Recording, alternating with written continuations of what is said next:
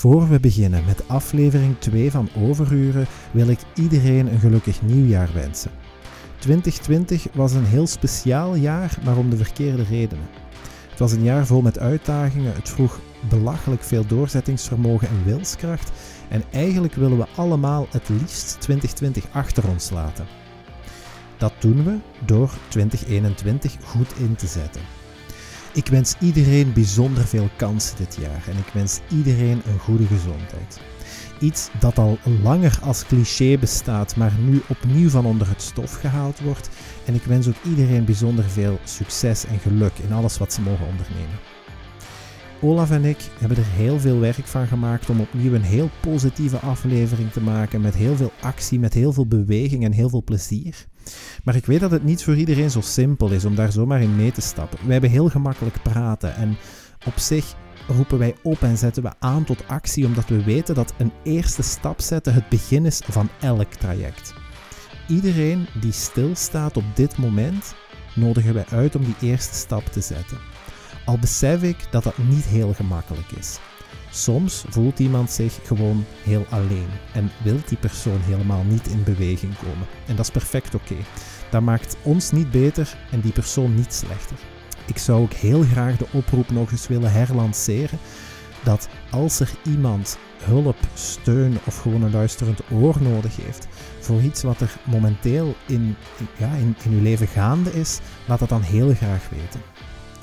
Ik zou ook iedereen willen uitnodigen om op het moment dat het voelt alsof je alleen staat op de wereld, dat je ook beseft dat dat niet per se zo hoeft te zijn. Iedereen heeft bondgenoten en het zijn soms niet de personen die we verwachten dat het zijn, maar het zijn die mensen die niet alleen het gemakkelijke antwoord verwachten als ze vragen hoe het met ons gaat. Probeer dan ook eerlijk te zijn. Herhaal tot vervelend toe hoe het gaat. Als het niet gaat, vind ik dat iemand dat moet weten en dat iemand ook die kans moet krijgen om daarin te helpen. Misschien is dat mijn wens voor 2021. Ik wens iedereen verbinding. Ik wens iedereen een bondgenoot. En ik wens sowieso iedereen een beter jaar dan het vorige.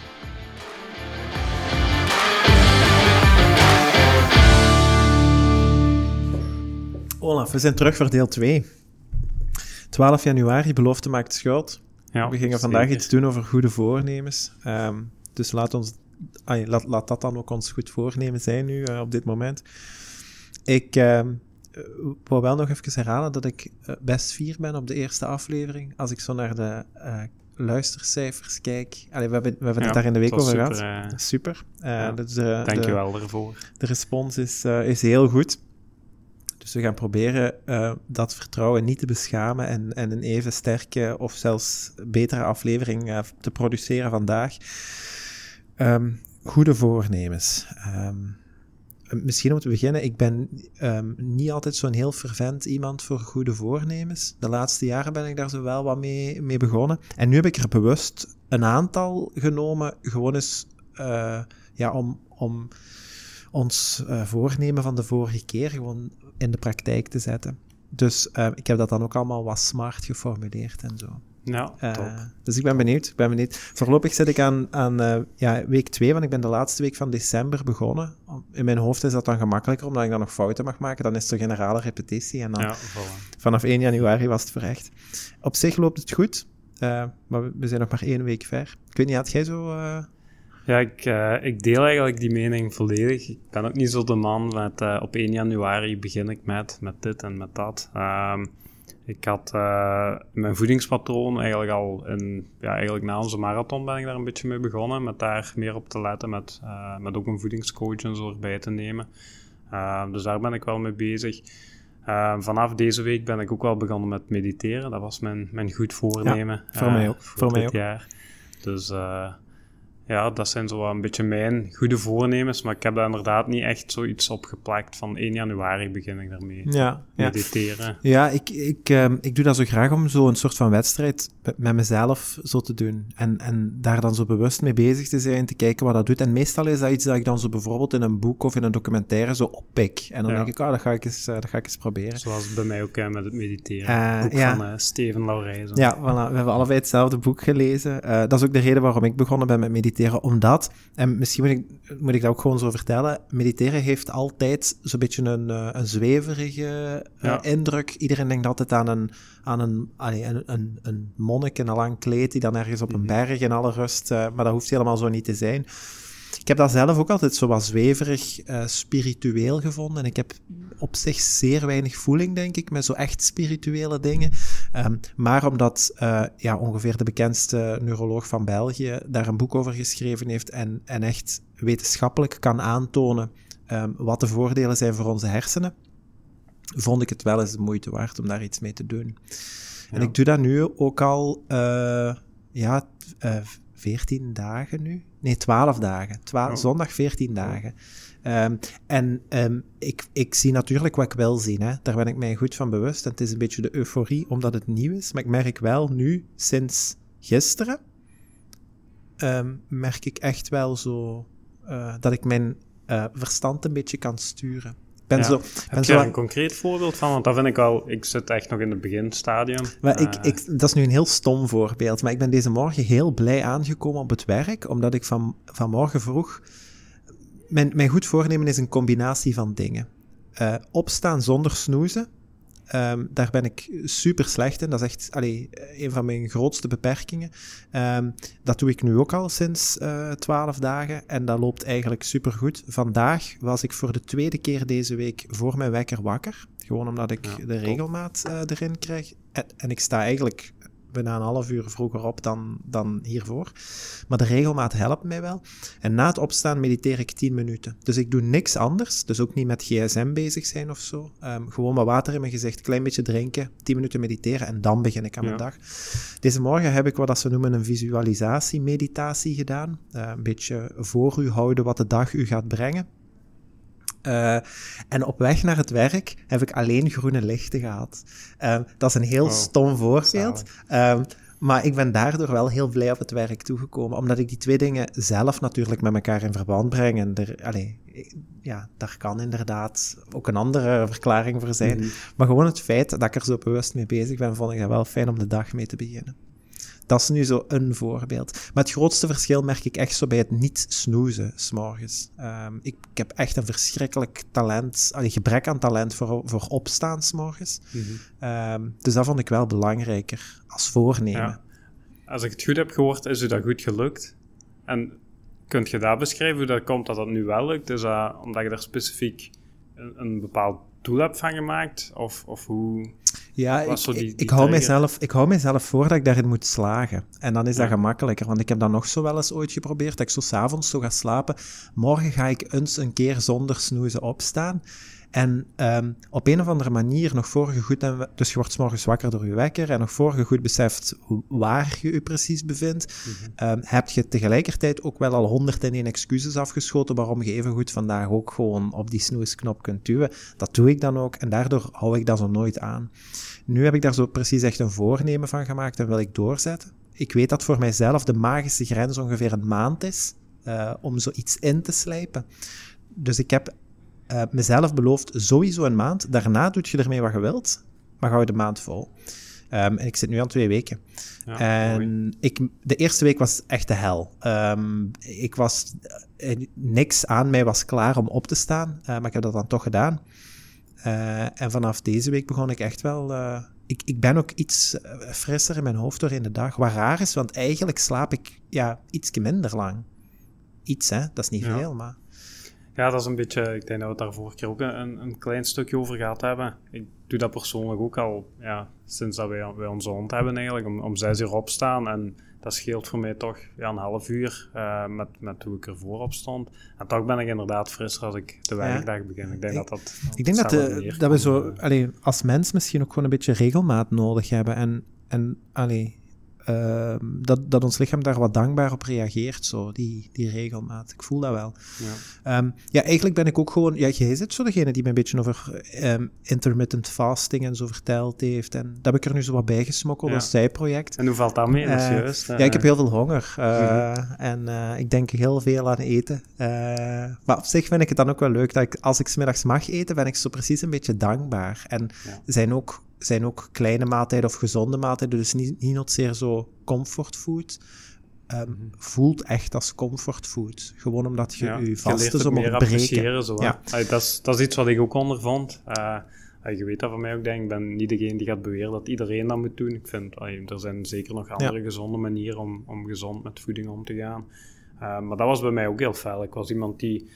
S'morgens, zeker als ik moest werken of zo, kon ik heel snel eten en dergelijke. En je, je geniet eigenlijk niet Nee, echt van je eten. En nee, dat heb je nu wel. nee, je ja. kijkt daar zo wel naar uit. Dat hongergevoel, dat, dat kan ik u garanderen, dat mindert wel. Eh, en als je dat hebt, drink eens goed door. En dan, eh, Ja, dan gaat dat ook wel weg. Dat zijn inderdaad de trucjes die ik zo zelf wel wat toepas. Zo genoeg drinken. Ehm, en, en ja, gewoon u afleiden. En je, je, ik kan er ook voor kiezen om vanaf half negen 's morgens, allee, dat, dat ik hier toe kom op het werk, allee, zo op het randje van de inzinking te staan omdat ik honger heb. En, en alles wat ik doe, doet me denken aan eten. En dat kan ook een manier zijn om ermee om te gaan, maar dan is de kans gewoon kleiner dat je er... Allee, dat je ermee doorzet en dat je het volhoudt. Dus ik probeer voor mezelf mij gewoon af te leiden. Eh, dat helpt. Ehm, ik zeg het, hè, ik heb gigantische honger hè, ehm, als ik thuis kom, maar dan ben ik wel blij. En je eet meer zo bewust, hier en nu zo. Heel Ja. dankbaar dat ik eh, de restjes van de dag voor tien mag opeten. Voilà, voilà, dat, is her- dat is herkenbaar.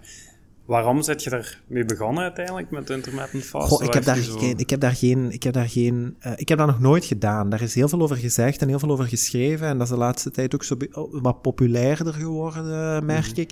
Ehm, binnen zo, niet zozeer de vegan com- eh, community, maar zeker wel de whole food plant-based community, eh, zijn er ook heel veel mensen die daar eh, fan van zijn, of die dat zo een beetje proberen allee, in de markt te zetten als misschien wel een goede, eh, wijze oplossing.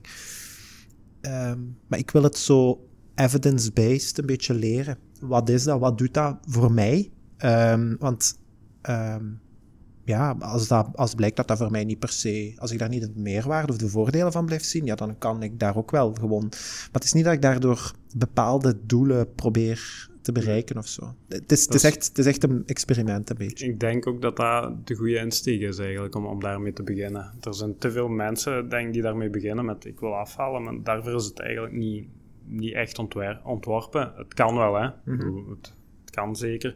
Maar wat ik persoonlijk, en dat is ook weer 100% persoonlijk heb gevoeld, is ik ben mentaal veel frisser. S ochtends ook, eh, ik krijg niet meer zo die energiedipjes die ik had als ik 's morgens mijn... met een granola en havermout had gegeten, wat eigenlijk best een gezond ontbijt is. Dan merkte ik vaak dat ik zo tegen de middag toch mijn dipje had. Als ik mijn lunch had gegeten, had ik eigenlijk altijd een dipje. Eh, dat heb ik nu eigenlijk niet meer. Oké, dat is wel waar. Daar kan, ik, daar kan ik mij precies wel in herkennen. Zo. Maar dat is mij nooit zo opgevallen. Waarschijnlijk omdat ik, ik ben te druk bezig met mij af te leiden om geen ja, honger te voilà, voelen. voilà. maar dat komt nog wel. eh. Ja. Ja. Ehm, ja, ik ben dan zo te fel op overlevingsmodus. Ehm, dus ja, maar het is, het is wel iets waar dat ik mij zo in herken. Ehm, wat is zo uw... Want ik doe eh 16 uur vasten, wissel ik af met 8 uur eten. Wat is zo uw eh, verdeling? Mijn is meestal ook 16, 8, maar ik, ik schuif er een beetje mee eigenlijk.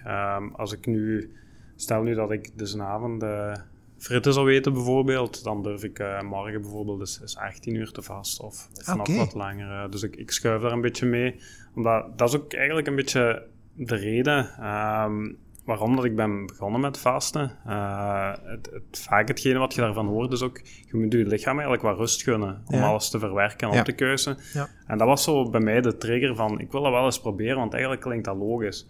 Als, ik, als wij trainen voor de marathon, we hadden ook ons schema, Mhm. en eh, de supercompensatie komt daar ook in terug. Je moet Ja. eigenlijk je lichaam op regelmatige basis moet je rust gunnen. Mhm, ja. Ehm, en dat is iets wat ik heel veel merk. Ik veronderstel dat ook, ik ben zelf geen dokter, maar ik denk dat dat het effect is van dat, dat frisser zijn mentaal en zo. Ja. Dat je inderdaad je lichaam de rust geeft om te recupereren ja, ja. en alles Nee, te verwerken. Er is inderdaad zo. Ik had daar eh, in de week was ik daar ook zo nog iets over aan het lezen, waar dat ze dan inderdaad vertelde.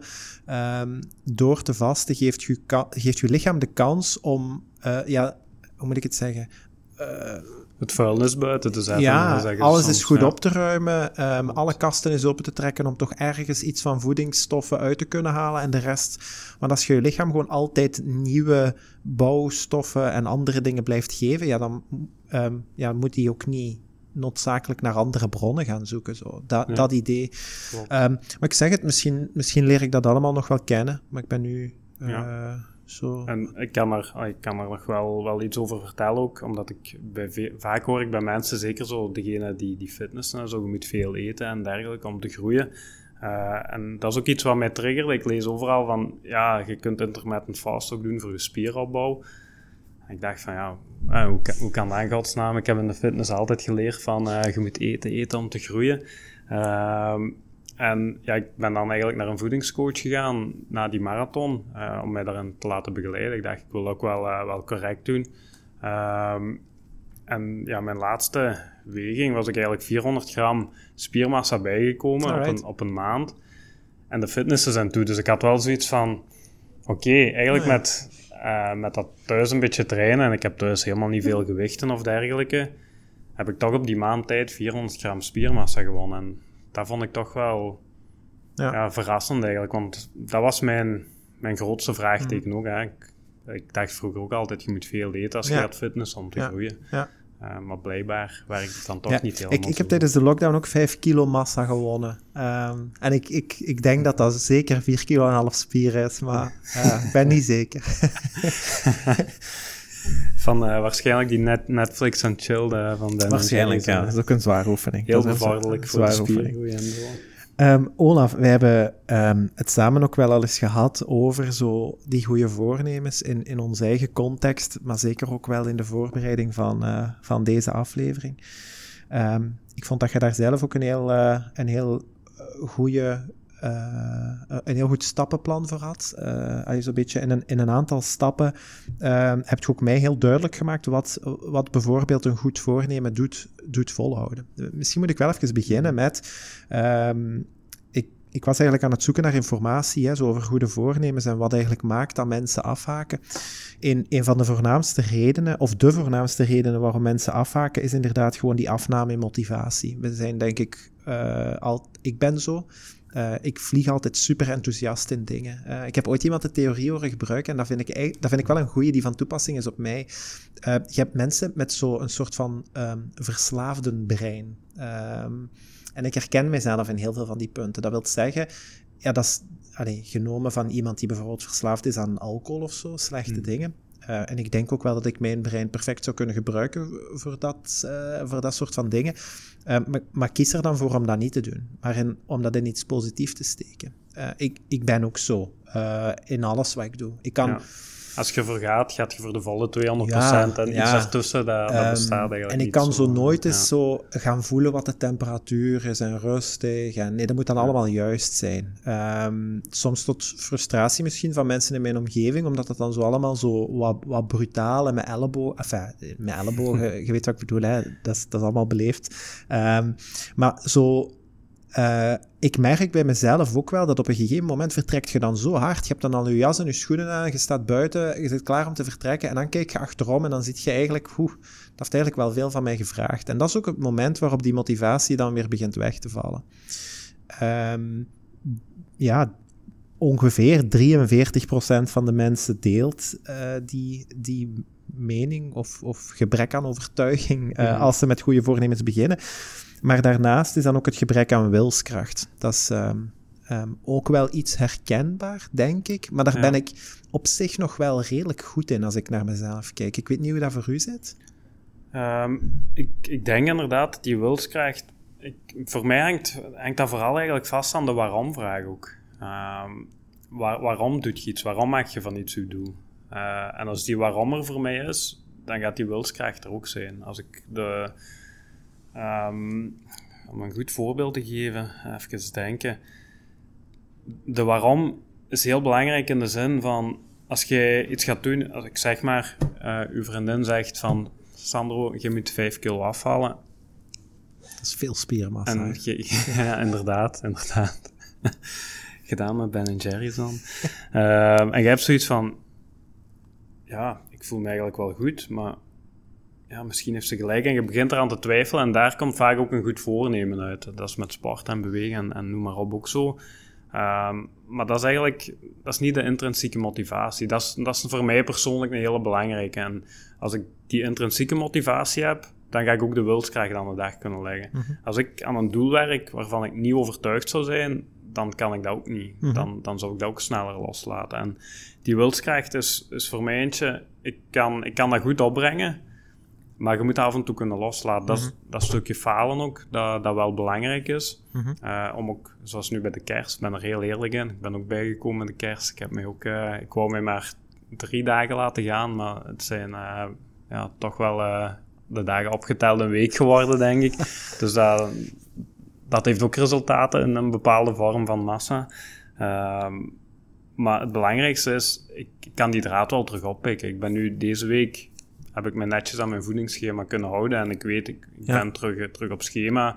En dan komt die wilskracht ook terug van, kijk, je hebt even gezondigd en dat is even alles loslaten, maar dat zorgt er bij mij persoonlijk voor dat ik daarna met er eens zo goed aan Mhm. kan houden nog Want- wel. Je zegt eigenlijk wat dat doorslaggevend is op het vlak van wilskracht, is het verschil in de, in de, in de vormen van motivatie die daarvoor aangereikt worden. Ja, of Voor mij persoonlijk, hè. Ja. Ehm, Ehm, en, en een externe motivatie, ja, dat wil letterlijk zeggen dat er iemand buiten jijzelf u de motivatie probeert Mhm. te geven. Of als je de trap opgaat en je zit buiten adem en je denkt, nu, ik moet echt meer gaan sporten. Dat is eigenlijk een externe motivatie. Ja, ja. Wat, zou dan een goed voorbeeld zijn van een, inter- van een interne motivatie? Ehm, een interne motivatie is... Ik, ik hou ook meer van eigenlijk de algemene doelen. Hè. Wat was vaak onze, ons doel? Dat is vaak, ik wil, ik zeg maar iets, ik wil een sixpack of ik wil breder armen. Of ehm, tegenwoordig bij, bij vrouwen is het achterwerk nogal populair als ik Ja. social media volg. Ehm, maar op zich, hoe je leeft bepaalt ook hoe je er gaat uitzien Ja. op de duur. Dus ik, ik hou er niet zo van, van te zeggen van ik wil specifiek een sixpack of ik wil dit. Bij Mhm. mij is dat meer, ik wil, ik wil gezond leven. Mhm. Uh, ik, ik formuleer dat iets, iets algemener. Um, en dat maakt eigenlijk dat ik dat beter volhoud. Uh, Mhm. Als ik per se die, die sixpack wil en ik doe duizend sit-ups per dag, uh, ik zeg maar iets, maar ik eet wel nog uh, elke dag een pot Ben Jerry's, ja, dan kan ik nog zo hard trainen, maar dat laagje gaat ervoor blijven zitten. Ja. Um, ik denk dat je moet alles een beetje in de goede richting zetten en dan komt die, die flow eigenlijk, dat is een beetje wat je moet hebben, die komt dan wel vanzelf. Mm -hmm. Misschien moeten we ook gewoon eens uh, zo hernemen waar we de vorige keer gestopt zijn. Hè? Um, je hebt zo zelf um, ja, in, een, in een viertal stappen uh, ook, ook wat proberen samenvatten. Um, ja, wat bijvoorbeeld een goed doel zou zijn. Hè? Wat is zo bijvoorbeeld die, die wenssituatie? Mm -hmm. omdat ik ja, dat helpt u ook wel om uw doel wat aan te houden. Op het moment dat het moeilijk gaat, helpt het mij bijvoorbeeld ook altijd om na te denken, waarom ben ik hier in godsnaam mee begonnen, ja. ooit? Um, en dat helpt wel. Dat is die waarom-vraag. Ja, ja, ja, klopt. Klopt. Um, ja, we hebben dat inderdaad in, vier stappen een beetje opgedeeld. Hè. En de eerste is inderdaad uw, wens, uw doel dat je wilt. Uh, ja, maak dat aantrekkelijk, maak dat haalbaar vooral. Dat is dat opbreken in die kleine stukjes. Hè? Want als je gaat kijken nu, het doel dat ik net zei, van bij mij is dat vooral ook, ook gezond leven. En de rest wat erbij komt, ja, dat is mooi meegenomen. Maar dat is een heel vaag doel. Daarom breek dat op in stukjes. Hè? Bij mij is dat nu het stukje... Ik breek dat op in stukjes voeding en stukjes beweging. En dat zijn dan allemaal stukjes waar dat je eigenlijk apart aan kunt gaan werken. En dat moet niet allemaal tegelijk. Um, hangt er een beetje vanaf van naar welk doel dat je toewerkt. Uh, en, en hoe je, wat je zelf realistisch vindt voor jezelf, hè, binnen je tijdschema.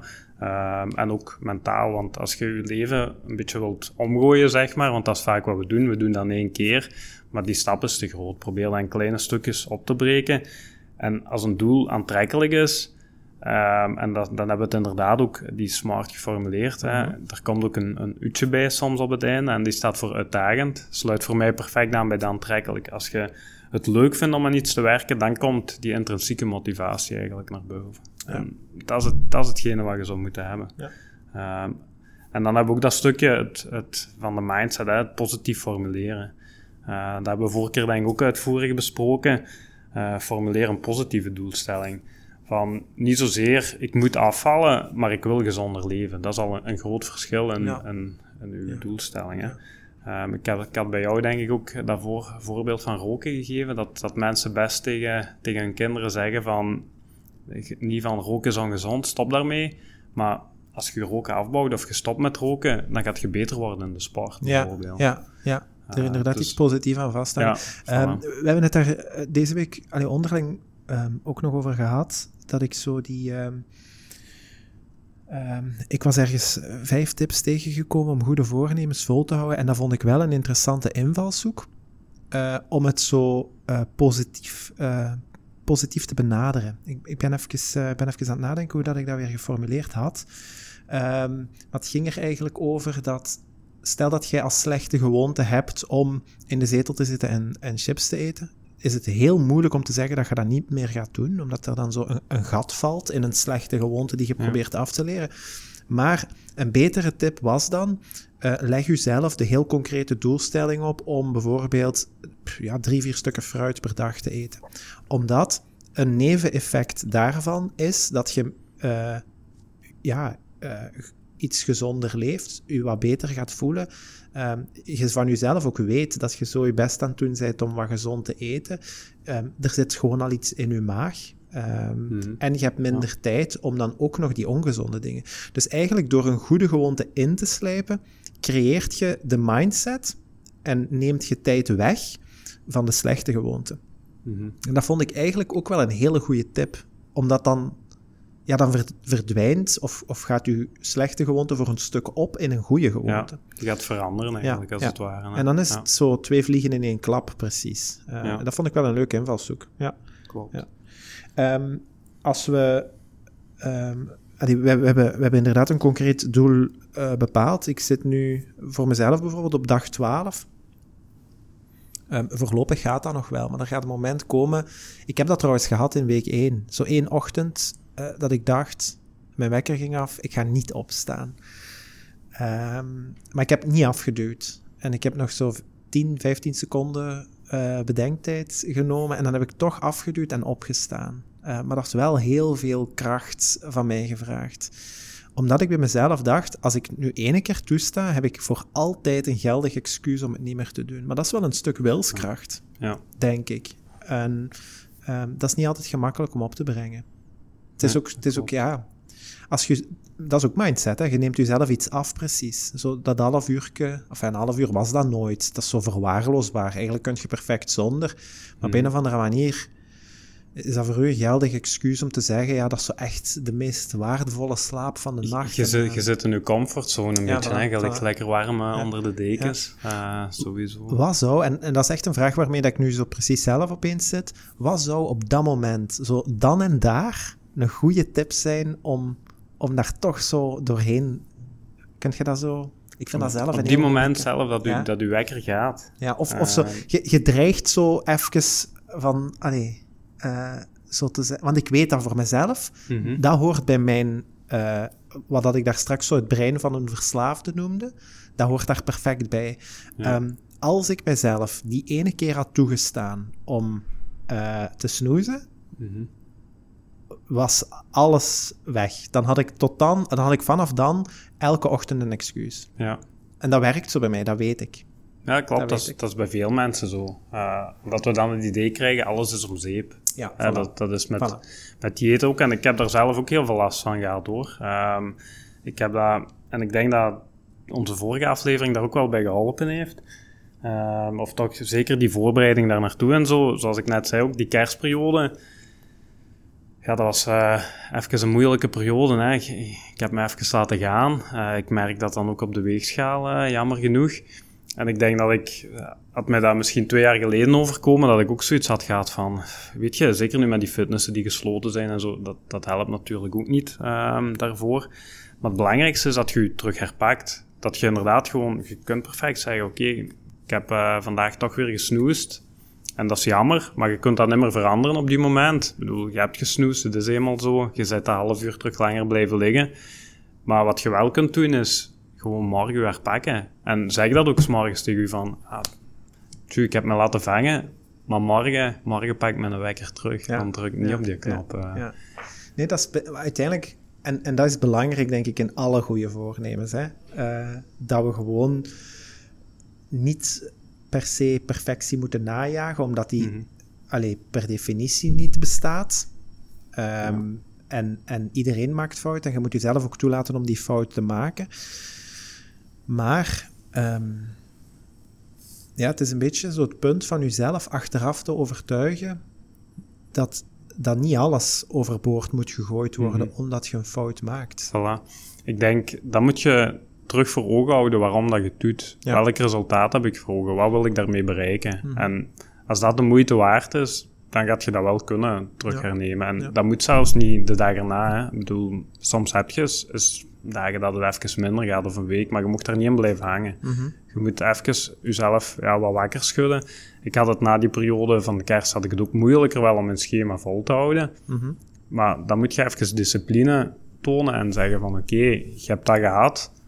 Daar moet je ook van genieten. Ik heb daar ook van genoten. Dat is belangrijk. Als je dan eens uit de bocht gaat ehm, en gezondigd is of gelaten, eh, gesnoest is, geniet dan ook van een half uurtje langer. En daar pak je gewoon daarna. Heel, heel zeker dat Eh, dat dan gebeurt. Ja, voilà. Het is nog niet gebeurd. Voilà. Maar, Maar, eh, maar dat moet je wel doen. Als je, met voeding is dat ook, we hebben dat vorige keer denk ik ook gehad, dat 80-20 principe. Maar als je die 20% dat zondige, als je dat aan het doen bent, doe dat bewust en geniet daarvan. mhm. Dat is wel belangrijk. Wat ik bij mezelf ook wel altijd merk, als ik dan de discipline kan allee, voor, voor de dag leggen om terug op de trein te springen en terug voor dat goed voornemen te gaan. Allee, ik noem dat nu goed voornemen, maar zo allee, een goede gewoonte inslijpen. Ehm, is het opnieuw opstarten daarvan de moeilijkste stap. En vanaf Ja. dan is alles terug super gemakkelijk. Mhm. Omdat je gewoon ook voor jezelf, vind ik, ja, moet kunnen loslaten van ja, oké, allee, ik heb een foutje gemaakt, eh, ik heb het even wat allee, uit het oog verloren, ehm, maar allee, niks is definitief kapot en, Nee, en we gaan er terug voor. Maar het is vooral dat, dat die stap opnieuw zetten.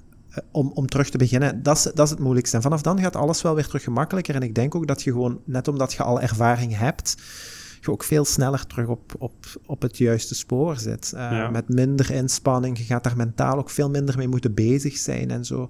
Eh, om, omdat je het allemaal wel al eens gedaan hebt. Ja. En eh, ja, dat is wel een belangrijke. Ik denk, z- zit, daar, zit daar een stuk... Bij mij is dat misschien wel zo. Zo'n stuk falen, zo erkennen dat je fout zit. Maar dat komt omdat je perfectie najaagt. Hè? Dat is Mhm, opnieuw Dat daar. klopt, ja. Ja. Dat klopt. Ik denk, we, we zijn vaak te streng in onszelf. En niet alleen met, met gewoontes creëren of met, met goede voornemens en dergelijke. En in het algemeen leven Mhm. ook. We zijn heel streng voor onszelf. Ehm, wat daar misschien ook kan helpen. ehm, ik heb ook al een paar keer net horen zeggen, ik ken mezelf daarin. Vaak is dat ook zo. We, we kennen onze dingen. Dus ga ook eens kijken op voorhand. Wat zijn nu de hindernissen die ik ga tegenkomen? Wat kan er overkomen? Dan kun je daar al een beetje op anticiperen. Ja. Eh, Ja. Dat kan zeker wel helpen. Ja, ik denk ook Eh, allee, bij het installeren van of dat dan nu een goed voornemen is of een nieuwe hobby of ehm, iets waar dat je van voelt dat daar wel wat inspanning tegenover staat, om zo weinig mogelijk hindernissen te installeren voordat je eraan begint. Zo is gaan sporten met vrienden bijvoorbeeld, dat vind ik altijd ehm, een, een heel goed voorbeeld daarvan, omdat dat op zich wel fijn is en je hebt wat sociaal contact en je zit samen buiten en je kunt eens lachen. Maar vanaf het moment dat één vriend, eh, ja, ik, vandaag gaat het moeilijk. En Mhm. de- ja, vanaf dan heeft heel die groep een excuus. Eh, Ja, in, in alle keren dat ik dat in mijn leven geprobeerd heb, heeft dat nooit zo blijven bestaan. ja, Omdat je doet dat allemaal heel trouw, omdat daar sociale controle in zit. En ik denk dat sociale controle sowieso belangrijk is als het over een doel gaat. Maar eh, dat kan op een gegeven moment ook zowel uw, uw excuus worden. Ehm, als je afhankelijk bent van andere mensen, en dat kan, hè, want je hebt geen controle over... Ja, die kan, dat kan ook eens dat er iemand moet overwerken of, of iemand moet allee, op bezoek bij familie of, of die heeft iets anders gepland. Ja, dan is het, ja, ja, allee, het is, Ja, eh, misschien, doen we het, misschien slaan we het dan eens over. En, Ja, en zo begint dat dan. ja, en ook stel dat je op, op donderdag altijd gaat trainen en ene donderdag is, eh, ik, ik zeg maar mijn naam, Jonas is er niet. En eh, de week erop op, op die donderdag, dan heb jij minder zin en denk je, ja, ja, ik blijf ook thuis. Vorige week is Jonas ook thuis gebleven, dus eigenlijk kan ik ook wel eens thuis Ja, blijven. ja, dat is zo denk ik hetgene wat je bedoelt. hè. Ja, ja. Ehm, en, dan, en dan versterkt je elkaar daar een beetje in. Nu, ik, ben, ik ben absoluut voorstander dat... Dat is ook een van de tips waar dat ik zelf veel aan heb, denk ik. Ehm, ik heb bijvoorbeeld bij de opstart van deze podcast ook heel bewust gekozen om dat zo direct eh, op social media bekend te maken, terwijl dat dan nog een hele tijd was totdat er afleveringen gingen komen. Ik denk dat ik al begin november of zo de eerste keer iets, eh, iets online heb gezet. Ik heb Ja. daar dan een Facebookpagina van gemaakt, een Instagram-pagina van gemaakt. Ehm, en dat was mijn poging om, om ja, mensen die aan mij verantwoording kwamen vragen. Van, ja. hoe, hoe zit het nu? Ehm, omdat dat wel een motivator is. Ja, sowieso. Je legt een beetje inderdaad de, de controle bij iemand anders ook. Die gaan er echter vragen. Hè. Mhm, Eh, mhm. Als ik zeg van, met die marathon was dat bijvoorbeeld ook. Toen iedereen in mijn omgeving zo wat wist van, hij gaat dan een marathon lopen. Ja, elke keer als je iemand ziet, vragen die wel, en hoe, hoe gaat de voorbereiding van uw marathon? Ja. Eh, en dan, stel dat ik dat schema drie weken niet had gevolgd en ons, eh, ons bomma zou vragen, en hoe gaat het met uw marathon? Ja, dan krijg je automatisch wel een beetje een schuldgevoel. En dat, dat wilt je niet. Dan heb je Ja. zo het gevoel dat je die jezelf teleurstelt, maar ook een beetje die mensen. Mhm. Ja, dat is waar. Dus dat dat is wel waar. een goeie, ja. Ehm, en ik denk ook dat iedereen in zijn eigen omgeving, allee, dat- je moet daar niet zo ver en zo lang achter zoeken, zo wel een aantal gidsen heeft. Zo mensen die eigenlijk zo'n beetje onvoorwaardelijke steun eh, tonen in. eh, en, en die dat ook nemen als iemand eens in de fout gaat. En, en daar dan ook niet, niet over oordelen. Want ik, ik merk dat bij mezelf bijvoorbeeld ook. Vanaf een, vanaf een bepaald moment als zo een voornemen wat de verkeerde richting uitgaat en het is zo aan het slabakken. Als je er zelf niet over begint, ja, dan, dan Mhm. ontsnapt dat wat aan de aandacht Ja, en is dat heel comfortabel. Voilà. Ehm, en omdat ik, ja, tuurlijk is dat moeilijk om dan zo te zeggen. Een van de grootste dingen waar dat ik in mijn leven het meest spijt van heb, van alle dingen die ik ooit gedaan heb, is dat ik geen gitaar kan spelen, bijvoorbeeld. En ik heb echt heel hard geprobeerd. Ehm, Mhm. Dat vind ik echt zo nog altijd mijn, persoonlijk, mijn grootste falen Mhm. omdat ik, En- omdat ik weet hoeveel energie ik daarin gestoken heb. En ik, ik heb zelfs een, een eh, ik denk een, eh, een, een half jaar of een jaar muziekschool gedaan in Leuven. Eh, en dat was super confronterend, want ik moest aan die muziekleraar eigenlijk gewoon elke week gaan laten horen wat ik niet kon. Ja. Eh, En, was dat door gebrek aan talent? Of? Ja, absoluut Ja. geen talent. En nu, dat, dat een beetje de combinatie van zo... Ik, ik denk dat zoiets... Sowieso is dat gemakkelijker aan te leren als je jong bent. Dat heeft te maken met plasticiteit in je hersenen. Maar dat is nu iets wat ik als eerste opnoem, omdat dat voor mij heel comfortabel uitkomt dat ik dat kan zeggen. Mhm, want ik, ja. ik was niet meer jong toen ik speelde. Ehm, dus dat is ook een excuus wat ik nu gebruik. Ehm, eh, tijd is belangrijk. Want ook dat is een heel duidelijk verschil met als je op school zit, denk ik. Eh, ik wou vroeger Mhm. zo'n muziekschool gaan volgen op woensdagnamiddag. En, Ja. ehm, maar dat, ja, dat mocht dan niet zo. Eh, dus dus ik, ik heb dan gewacht tot ik volwassen was. Mijn, mijn eerste gitaar gekocht naar de muziekschool. En ja, weet je, ik werkte toen ook al voltijds. En dan is dat zo Ja. thuiskomen, de dingen doen die je moet doen. En dan toch nog tijd maken voor, eh, voor gitaar. En Ja. ja, wat kan, hè? Het kan, maar je moet het, je moet het, allee, de omstandigheden moeten er naar zitten. Je moet inderdaad zo weinig mogelijk hindernissen hebben. Ja. Eh, sociale controle moet ook wat goed zitten. Ehm, Mhm. En ik denk ehm, dat mensen in mijn omgeving vooral hoopten dat ik eh, er niet meer mee zou doorzetten. Ja. Puur voor het gehoor. Voor het gehoor, ja. Ehm, dus ja, daar was ook niet heel veel steun. Ehm, dus ja, eh, dan wordt dat een beetje een moeilijke combinatie van de dingen. Ja. Maar ik vind dat wel nog altijd, eh, van alle dingen die ik ooit ondernomen heb, en ik heb misschien ook wel wat grotere, wat grotere dingen ondernomen, nog altijd zo het, het ergste. ja. Heel raar. Ik, ik, ik merkte ook wel dat er eh, in de vorige punten die je opnoemde een belangrijke ontbrak. En dat is uw concreet plan. Ja. Eh, dat is eh, ik, wil, ik, wou, ik wou een Led misten. Zeppelin coverband oprichten. Ja. Als ik, als Ah, ik echt oké, iets moest kiezen. Eh, ja, nee, dat is niet waar. dat, dat, dat, ik verzin dat nu. Ehm, Had wel cool geweest. Ja, eh, ja, sowieso. Sowieso. Zo de, de hoe, zeg, hoe noemen ze dat dan? Z Leppelin, Ja. featuring Sandro. Zo. Voilà. Ik zou eh, zeker luisteren, eh, Mhm. sowieso. Ik denk ook wel dat het goed geweest was als ik, eh, als ik het had geleerd. Als Maar je kon gitaar spelen. als ik kon gitaar spelen, was het sowieso de moeite waard om te komen kijken. Maar eh, ja, het, is, het, is er, het is er zo nooit Ja. van gekomen. En nu ook hè, zeggen mensen tegen mij: ja, maar het is nog niet te laat en dat klopt. Ehm, maar ik ben daar zo, ik heb er al zoveel tijd in gestoken om dat toch te proberen. Want ik ben zo, ja, na die muziekschool, ja, dat werd op een gegeven moment echt te, te gênant. Ehm, Mhm. ik, ik denk wel dat ik ehm, de, de traagste cover in de geschiedenis van Painted Black van de Rolling Stones heb Is dat gespeeld. opgenomen toevallig? Eh, eh? ik hoop Dat kunnen we niet. misschien Ik op het van einde van deze podcast Eh, plakken. Dan, ik denk niet dat er iemand dat ooit trager gespeeld heeft. Dus zo, zo gênant werd het op een gegeven moment. Ehm, ik ben er dan mee opgehouden. Ehm, ik dacht, ja, hier ehm, stopt mijn, mijn carrière als, als rockster. Eh, ik stop op een hoogtepunt. Ja. En eh, ja, dan ben ik andere dingen gaan doen. Ik ben zowel in mijn privé zo'n beetje blijven verder spelen, zo, maar dan, ja, zo de, ehm, hoe moet ik dat zeggen? Het, het gezichtsverlies bijna, wat daarin... Omdat ik de, er wel heel veel tijd en energie in gestoken had. Ja. En het lukte niet. Ja. Vond ik, het, is- vond ik het super ambetant om het zo te blijven volhouden. En dat frustreerde dan. Mhm. Misschien wou ik het nog niet graag genoeg. Misschien, misschien moet ik een comeback maken. En voilà, ik was net ook aan het denken. eh, kijk, ik ben, allee, mijn interesse is in ieder geval eh, gewekt. eh, ik ben heel nieuwsgierig hoe, hoe dat klinkt. Ik, ik zal terugkomen als ik mijn eerste album op Ah, markt- Dan kom ik dat hier voorstellen. Je hebt in ieder geval terug een motivator nu om, Ja, eh, om te beginnen. Voilà. Voilà. Ehm, ik... eh, zo, eh, allee, even terug naar, naar de goede voornemens die er, die er wel toe doen. Ehm, we hadden zo in de voorbereiding... Hebben we het ook gehad over... eh, ja, heel concreet, hè, wat maakt nu eigenlijk dat zo... Die, die goede voornemens... Wat maakt dat ik die volhoud? En ik had eh, puur vanuit mezelf... eh zo een aantal dingen opgesomd. We hadden die dan ook al eens afgestemd. En daar kwamen Mhm. wel wat dingen in overeen. Hè, zo. Ehm, we hebben het bijvoorbeeld al vrij uitgebreid gehad over die sociale controle. Ja. Wat heel, wat heel belangrijk is... Ik onderbreek u. Ja, ik, ik denk, eh, we hebben het daar ook over die gids gehad. eh, en, en supporters en dergelijke, dat, dat heb je ook wel nodig. Ik denk dat daar ook misschien belangrijk is ehm, wie als gids kiest. Dat je dat, ik denk dat je in grote lijnen je, je omgeving wel, wel kent natuurlijk. En dat je daar een beetje selectief gaat zijn met gidsen. Zoals bijvoorbeeld nu met dat intermittent fasten. Eh, toen ik daarmee begon, toen, dat was wel aan het opkomen, was nog niet overal bekend. Eh, ik weet dat ik tegen sommige mensen daar niet moest over beginnen, Ja. want die zou direct negatief zijn. Dus dat vind ik wel een belangrijke. Denk daar ook eens over na van, oké, zeker in het begin, hè, in die beginfase, want dan is dat meestal nog een beetje wankel. Hè. Je zit wel heel gemotiveerd, maar als mensen dat gaan afbreken, kan die motivatie ook snel weg zijn.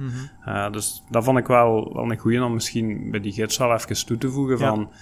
Oké, je moet daarom je doel niet tegen iedereen direct gaan verkondigen, maar kies even heel selectief je, je Ja. gidsen uit. Nee, dat is waar, want je kunt zo op weg naar wel wat tegenstand krijgen. Hè? Want Ja. ehm, een goede gids is bijvoorbeeld ook iemand, en dat zou ik ook aanraden in, in een beperkte mate, om zo... Stel bijvoorbeeld dat uw goed voornemen is om ja, eh, te diëten en dat dan aan te houden en, en een beter figuur te krijgen. Ehm, het helpt om daar foto's van te posten, omdat daar best wel wat positieve Ja. respons op komt. En, en zo, dat is dan de mooie kant van, van Facebook bijvoorbeeld. Allee, dat daar zo, daar haalt je ook wel wat supporters uit. Maar soms klopt. zijn er ook gewoon mensen, en dat gaat nu niet per se over diëten of zo, die, die daar, allee, die daar ja, minder positief op reageren als jij naar je doel aan het toewerken bent. Mhm, ja. Ehm, zoals bijvoorbeeld, eh, ja, toen ik, toen, en dat is tot op, tot op de dag van vandaag nog altijd. Ik had de vorige aflevering ook al verteld dat ik, eh, ik ben nu iets meer dan een jaar, ehm allee, eet ik volledig veganistisch. Ehm, ik gebruik zo niet graag de term vegan. Ik vind zelf dat daar zo wat een negatieve connotatie aan hangt. Maar dat is net mijn punt waar ik nu naartoe wil. Heel veel mensen denken dat ook. Ehm, volgens een, dat was een quizvraag in de slimste mens. Ik heb dat niet zelf gezien, maar iemand vertelde mij dat wel. De meest gehate persoon in de Verenigde Staten, de mannelijke vegan zo. ja, ja dat, Eh, ik, ik heb die vraag inderdaad wel meegekregen toen. eh, en, en ja, ik voel dat ook wel in mijn omgeving. En er zijn heel veel mensen die dan zo, ja, soms zelfs letterlijk tegen mij zeggen: Allee, je kunt toch eens een keer normaal doen, zo eh, Ja. in, in een maaltijd of zo. Ah, Je kunt, toch, je kunt toch gewoon eens iets eten. Alsof ik 99% van de tijd gewoon gras eet dat al afgemaaid is omdat gras anders weent. ja, het is iets wat ze niet kennen, hè? ja. Dat is, Ehm, en, en zo, ehm, je kunt heel gemakkelijk ontmoedigd geraken door zo mensen die dicht bij u staan. Eh, als die, want dat is, ja, dat is, tuurlijk is dat een beetje persoonlijk. Eh, want ja, Ja. ik wil daar ook niks mee, mee betekenen. Ik vraag van mensen ook niks terug. Ik zeg niet dat zij iets niet mogen eten of Mhm. dat zij zich moeten gedragen zoals mij. Maar dat is wel, ja, op zijn minst een beetje ambetant als dan zo mensen die dicht bij u staan, en zeker mensen die dan af en toe nog eens met u mee aan tafel zitten, dat die daar zo'n sterke negatieve mening over hebben. Dus ik snap Ja. ook wel dat je daar je motivatie in verliest. Mhm. Je ik ben dan andere mensen een beetje gaan zoeken. Ja, Eh, voilà. ja. Ik denk dat dat, zeker in het begin, nu gaat dat waarschijnlijk geen probleem zijn. Nee. Mocht ik zeggen tegen u van dat vegan, dan vind ik maar niks. Dat gaat u waarschijnlijk niks doen. Nee, weinig. Eh, maar, voilà. maar mocht iemand maar die ik heel dicht bij ik u zou niks staat, zeggen over begin... gitaar spelen. Daar zou ik niks Nee, maar dat is ook zo. Dat is ook zo. En dat lijkt mij ook heel belangrijk. Dat vind ik persoonlijk ook heel belangrijk. Van, doe dat in het begin. Zoek dan uw, uw naaste omgeving. Kijk, waar kan ik steun vinden? Wie gaat mij daarin in goed kunnen steunen? En dan, naarmate dat je daarin groeit, dan gaat je zelfs degene die misschien eerst negatief zouden zijn, gaat je die misschien zelfs overtuigen. Ja, ja, ja. Hier en daar merk ik zo wel wat mensen die zo toch eens een vraag stellen of zo. Ja. Naar een kookboek vragen dat ik gebruik of zo. Dus ik, ja. En dat zijn zo de kleine dingetjes waar ik dan wel wat blij van word, maar dat mag, ja. Dat is, kijk. En zit je die kookboeken nog terug, of? Uh, ik heb er nog geen uitgeleend. Ik, ik, ah, ik deel gewoon uh, links van, uh, van boeken. want ik, ja, ik, ooit heb ik daar zo heel vaak gedaan. Boeken uitlenen en zo, maar ik denk dat... Ja. Heel veel mensen boeken hebben van mij. maar ik ja, ben daar zo te, te nonchalant in om daar dan een, ja een overzicht in te houden. Wat, wat heel belangrijk is, Olaf, en die wil ik zeker niet overslaan, is, en je hebt dat net ook gezegd, hè, ehm, rustig opbouwen. Ehm, niemand, moet, niemand moet zijn of haar bus halen. Het is ook geen wedstrijd. Uh, Het is eigenlijk een, een gezonde competitie om jezelf uit te dagen. Ja, um, tuurlijk. En, het eh, moet ook gewoon leuk blijven. Hè? Ja, voilà. Ik, ik denk, als je er een bepaalde tijdsdruk op gaat zetten, dan, dan blijft het ook niet leuk. Het moet, mhm. moet inderdaad een uitdaging zijn, maar wel op een, ja, een beetje een speelse manier, denk ik ook. Je, moet er, je moet er een beetje flexibel in kunnen zijn. Ja, uh, ja. en ik denk ook, allee, ja, je, je, daagt jezelf uit, je probeert een beter mens te zijn. En dat is, dat is een stuk zo de, de waarom. Uh, en het is dan, ja, als, je, als jij alleen meedoet aan de wedstrijd, wint je sowieso. Dus, dus probeer inderdaad gewoon een beetje minder streng te zijn. Je hebt bijvoorbeeld heel veel mensen, als je dat zo uittelt, dat, uh, dat jij zegt ik wil 10 kilo afvallen dat is uh, minder dan een kilo per maand, als je dat over een jaar telt.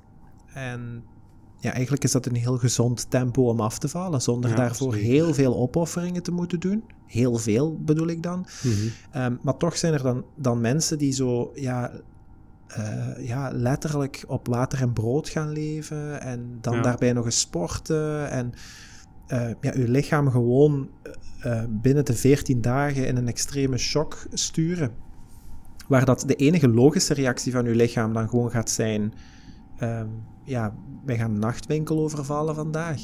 Um, terwijl, ja, dat hoeft zo'n vaart niet te zijn. Niet, dat hoeft mm zo'n mhm. vaart niet te lopen. Nee, uh, breek het af in kleine stukken. Spreek met jezelf een, een, een een doel af per maand uh, en overdrijf daar niet in. Ja, Want je gaat, als je zo leeft, water en brood, allez, je valt 5 kilo af hè, per maand. Mm -hmm. Tuurlijk, tuurlijk. Maar vaak ook, dat vergeten veel mensen, hè, want je leest dat vaak, hè, dit dieet, 4 kilo op een week kwijt ja, vaak is dat drie kilo vocht of zo dat, er, dat eruit is. Um, en dan, dan zijn we heel blij, maar natuurlijk, je blijft geen vocht verliezen. Dus op een bepaald moment gaat dat wel stagneren. En dan zijn we al teleurgesteld, want ja, de eerste week uh, waren we vier kilo kwijt, nu maar een halve meer. Mm -hmm. um, dus ik denk dat het ook veel gezonder is, gewoon van op lange termijn te denken. En dat je dan dat jojo-effect ook wat kunt vermijden. Mm -hmm. Want vanuit die teleurstelling gaat je inderdaad die nachtwinkel overvallen, waardoor dat je eigenlijk op het einde van het jaar ja, misschien zelfs een minder goede conditie of, of zwaarder bent dan, dan dat je in eerste instantie begon. Voilà. Ja, uh, ik denk ook, um, en dat brengt mij heel vlot tot aan een volgend punt ook, dat um, door het niet te brutaal te doen en uw, uw lichaam en uw geest ook een beetje de kans te geven om um, ja, er zo wel naar, naartoe te glijden, zo meer, in plaats van zo brutaal het stuur om te gooien, mm. uh, is dat gewerkt op gewoontes. En ja. als we als mens iets super graag hebben, en dat is voor iedereen zo, uh, ik heb dat heel lang ontkend, uh, dat dat ik dacht dat ik daar dan zo anders in was, uh, gewoontes, maar dat is eigenlijk niet waar. Dat is eigenlijk niet waar. Uh, een, een mensenlichaam is heel ontvankelijk voor gewoontes. En als jij uh, bij elk goed voornemen um, in plaats van jezelf te straffen, gewoon ja, een, een, beetje de koers verandert in de goede richting, sluipt die goede gewoonte er wat in. Dus als jij bijvoorbeeld, ja, ik zeg maar 10, 12 kilo wilt afvallen, mm -hmm. uh, neem dan een kilo per maand. Maar dat is eigenlijk gewoon proberen om, ik zeg maar, je, je snoepen naast het eten te beperken tot één keer per week. Ja. Bijvoorbeeld. Um, dan kun je alles nog eten, uh, je moet geen honger lijden.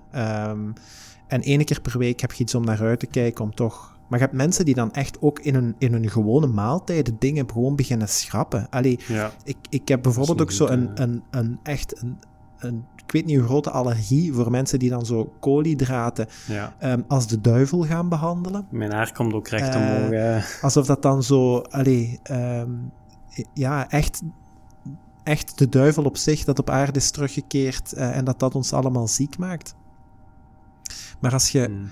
ja, als je geen brandstof in je lichaam steekt, en dat zijn koolhydraten. Ja, koolhydraten zijn gewoon een complexere vorm van suiker en je hersenen draaien op suiker. Als jij je hersenen geen suiker geeft, ja, dan, dan houdt hij ermee op op een gegeven moment. Dat is echt Ja. zoals een auto. En ehm, als je en je, en je snoepen tussendoor gaat laten en nog een deel van je maaltijd wegsnijden en dan nog eens kinderporties gaat eten ehm, en mis- misschien, misschien zelfs denkt, ah, anders moet ik een week lang enkel soep en eh, gebakken lucht eh, eten, Mhm. Ehm, ja, dan is de kans gewoon super groot dat je faalt, omdat je lichaam Ja. niet weet wat er gebeurt. Terwijl als je gewoon je snoepen beperkt, tot één keer per week, en voor de rest gewoon blijft eten, al is je portie ietsje te groot, ehm, dan gaat je ook afvallen. Mhm. Ja. En Dan dat is een, gewoonte die je de rest van je leven kunt volhouden. Je kunt niet de rest van je leven op soep leven. Nee, nee, voilà. Ja. Ehm, dat is inderdaad super moeilijk om, om zo heel brutale dingen vol te houden. Dus eh, stap voor stap de gewoonte er een beetje inslijpen. Ja.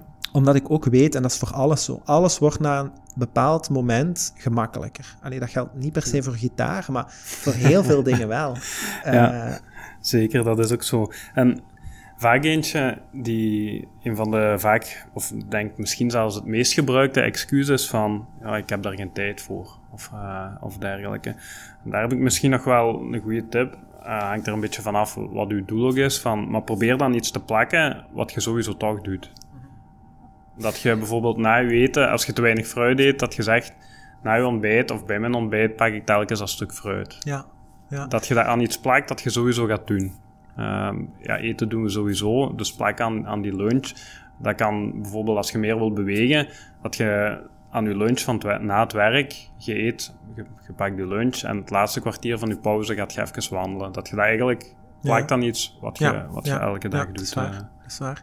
Ehm, ja, ik, ik probeer zo bijvoorbeeld tijdens het werk eh, af en toe eens op te staan en zo'n beetje op en af te Ja, wandelen. Voilà. op de, als, ik aan het, als ik aan het telefoneren ben, omdat je dan toch niks anders kunt doen dan alleen telefoneren. Dus dan probeer ik zo daar wat beweging in te krijgen. Ik heb ooit zo'n voorbeeld gehoord van een mevrouw met zo'n heel druk gezinsleven. Eh, dus die wordt morgens wakker en de kinderen zijn al aan het roepen en heel weinig tijd voor zichzelf en zocht eigenlijk rust. Ik weet niet meer waar ik dat gehoord of gelezen heb. Het doet er eigenlijk ook niet toe. Ehm, die vrouw had zo één eh, bezigheid wat ze super graag deed. Zij was advocaat of zoiets, denk ik. Dus zo super drukke job. S'avonds ook heel laat thuiskomen en geen tijd voor hobby's. Ja. Maar zij was ooit eens begonnen met zo... Kent je zo die kleurboeken voor volwassenen? Nee, nee Dat, is, dat, is een, is- wordt een eh, beetje gebruikt zo binnen, de, binnen mindfulness en zo. Ehm, dat, dat zijn zo... ehm, ja, zo'n soort van... ehm, ja, dat zijn niet echt, niet echt eh, bestaande tekeningen zoals dat je dieren gaat inkleuren of zo, Mhm. maar zo'n beetje... eh, ja, gelijk... Ja, ik kan- er nu zo geen namen plakken. Ehm, maar die, ehm, dat is een... ehm, door dat eigenlijk heel hard in het hier en nu te doen en zo te kleuren en alleen met je verstand daarbij bezig te zijn, Mhm. lijkt dat een beetje op meditatie en mindfulness. En dat is eigenlijk ook een heel goede manier als je kijkt naar zo de tak van ehm, full focus meditatie, zo, om echt je aandacht te trainen, is dat eigenlijk een hele goede oefening. Ja. En eh, voor sommige mensen is dat gewoon toegankelijker, maar ze vond daar geen tijd voor. Alleen had ze één vaste gewoonte die ze nooit losliet en dat ze 's morgens opstond. Het was een Britse vrouw. 's morgens opstaan, tas thee eh, en vijf minuten gewoon even zitten. Eh, en dat was het advies. Ja, leg uw boek bij uw waterkoker. Eh, Ja. Als je neerzet, teken. Ehm, en dat was ook zo iemand die dan daar zo ja, vijf minuutjes mee begon, maar daardoor wel terug in die, in die drive Ja. kwam. En dan zo in momenten tussendoor toch weer, eh, toch weer wat, wat meer eh, tijd daarvoor vrijmaakte. Dus soms moet je inderdaad gewoon, ook al lijkt dat een druppel op een hete plaat, begin daarmee. Ja, Ehm, en, en ook al blijft het op die druppel op die hete plaat, je hebt zo altijd wel een moment voor jezelf gehad. En dat vind ik ook wel, dat vind ik ook wel Ja. iets wat dat mij het altijd doet volhouden. Een van de neveneffecten nu, bijvoorbeeld, bedenk ik mij nu. Ik ben nu twaalf dagen zo aan het mediteren. Ik, ik focus mij vooral op aandachtsmeditatie. eh, omdat Ja. dat mijn werkpunt een beetje is. Eh, visualisatie een beetje vind ik ook wel leuker om te doen eigenlijk. Mhm. Eh, maar ik merk nu bij mezelf, als ik zo bijvoorbeeld mijn handen was, of ik eet iets, is dat veel meer in het hier en nu dan, dan twee weken geleden. Ja, en kunt je dat beschrijven? Zet je, ja, je gedachten dan minder af? Of, of ja, hoe? ja. ja. Um, weet je zo, als je, hoe moet je dat zeggen? Uh, je zit op het werk, je gaat op wc, je, je wast je handen en je zit eigenlijk, terwijl je je handen aan het wassen bent, ah, ik moet op die mail nog antwoorden en ik ga dit doen en ik moet die nog bellen en ik moet vergeten dat niet aan te maken. Um, nee, ik ben dan gewoon mijn handen aan het wassen. En dat is, een, dat is een heel rare vaststelling, die ik vandaag ook voor de eerste keer zo heel erg gevoeld heb. Um, dat ik zo ja, ik ben met niks anders bezig, ook niet in mijn hoofd, dan met mijn handen wassen. Dat is raar, dat ik, ik vind dat zelf moeilijk om dat uit te leggen. Maar als je het beseft, weet je wat ik bedoel. Ja. Ik heb nog wat werk dan. Ja, uh, ja.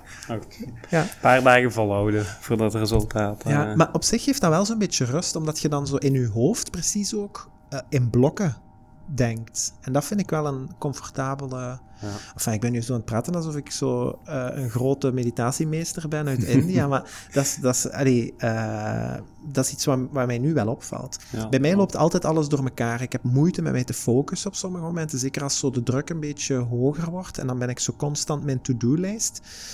Ja. Um, en nu kan ik dat zo even uitzetten tussenin. Heel fijn.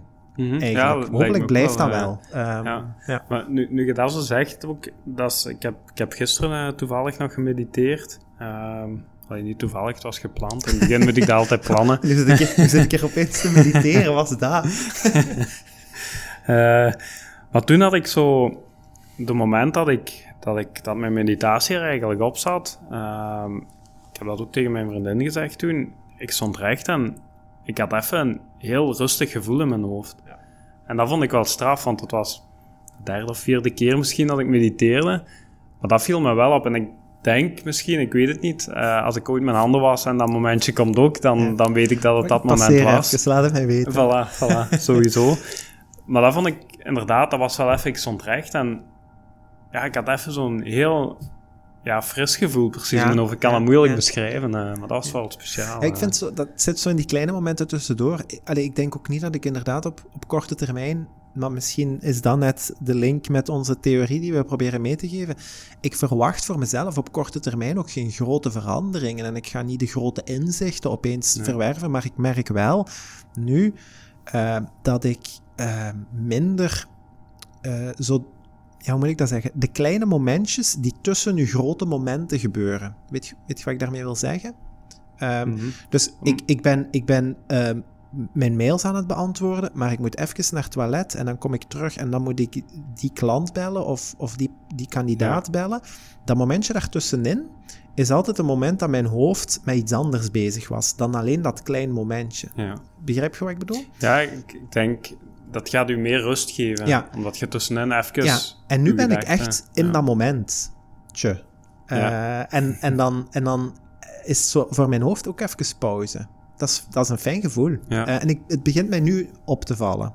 Um, en dat komt omdat ik nu bijna aan 14 dagen zit. Ik denk een hele goede vuistregel voor een gewoonte. Voor mijzelf is dat een maand. Uh, ik probeer dat in alles toe te passen in mijn leven, met elke gewoonte die ik installeer. Hou het een maand vol. Niet, niet wenen voor een maand.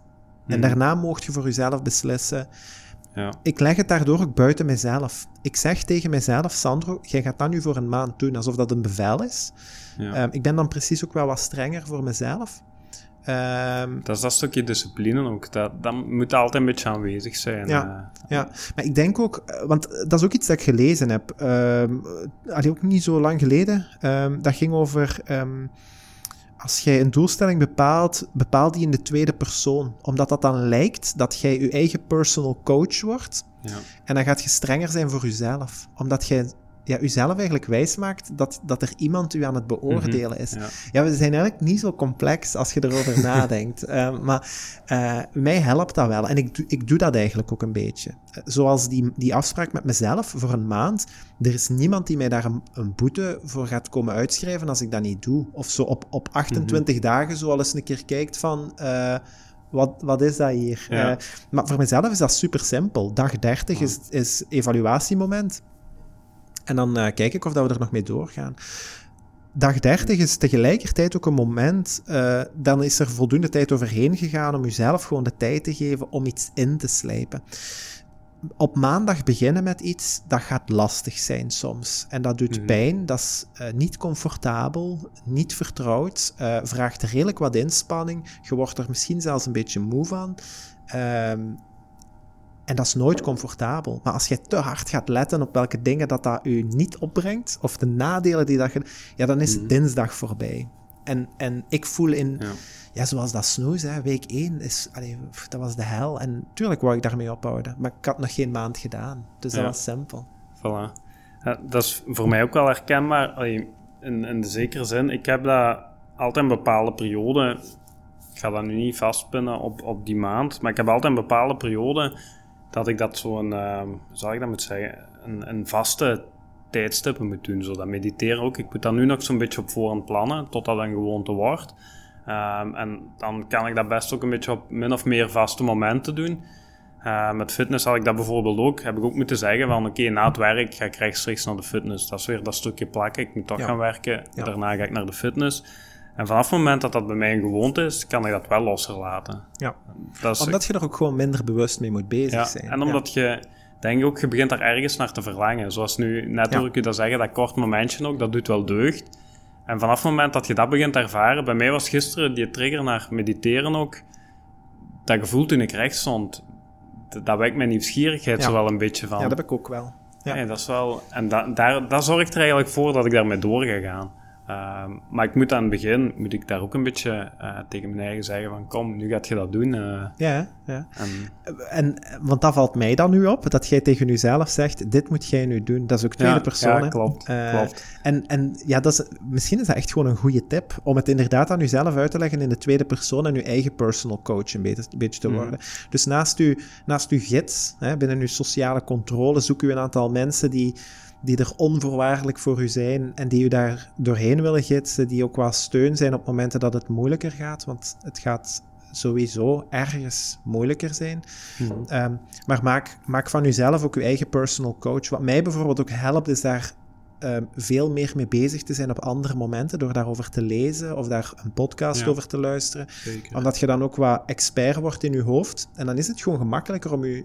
ehm, om jezelf iets wijs te maken als personal coach, omdat je er ook iets over weet. Ja, klopt. en dan zit je er ook weer iets meer tijd mee, mee bezig, wat dat ook wel helpt om de gewoonte in te slijpen, Ja. denk ik.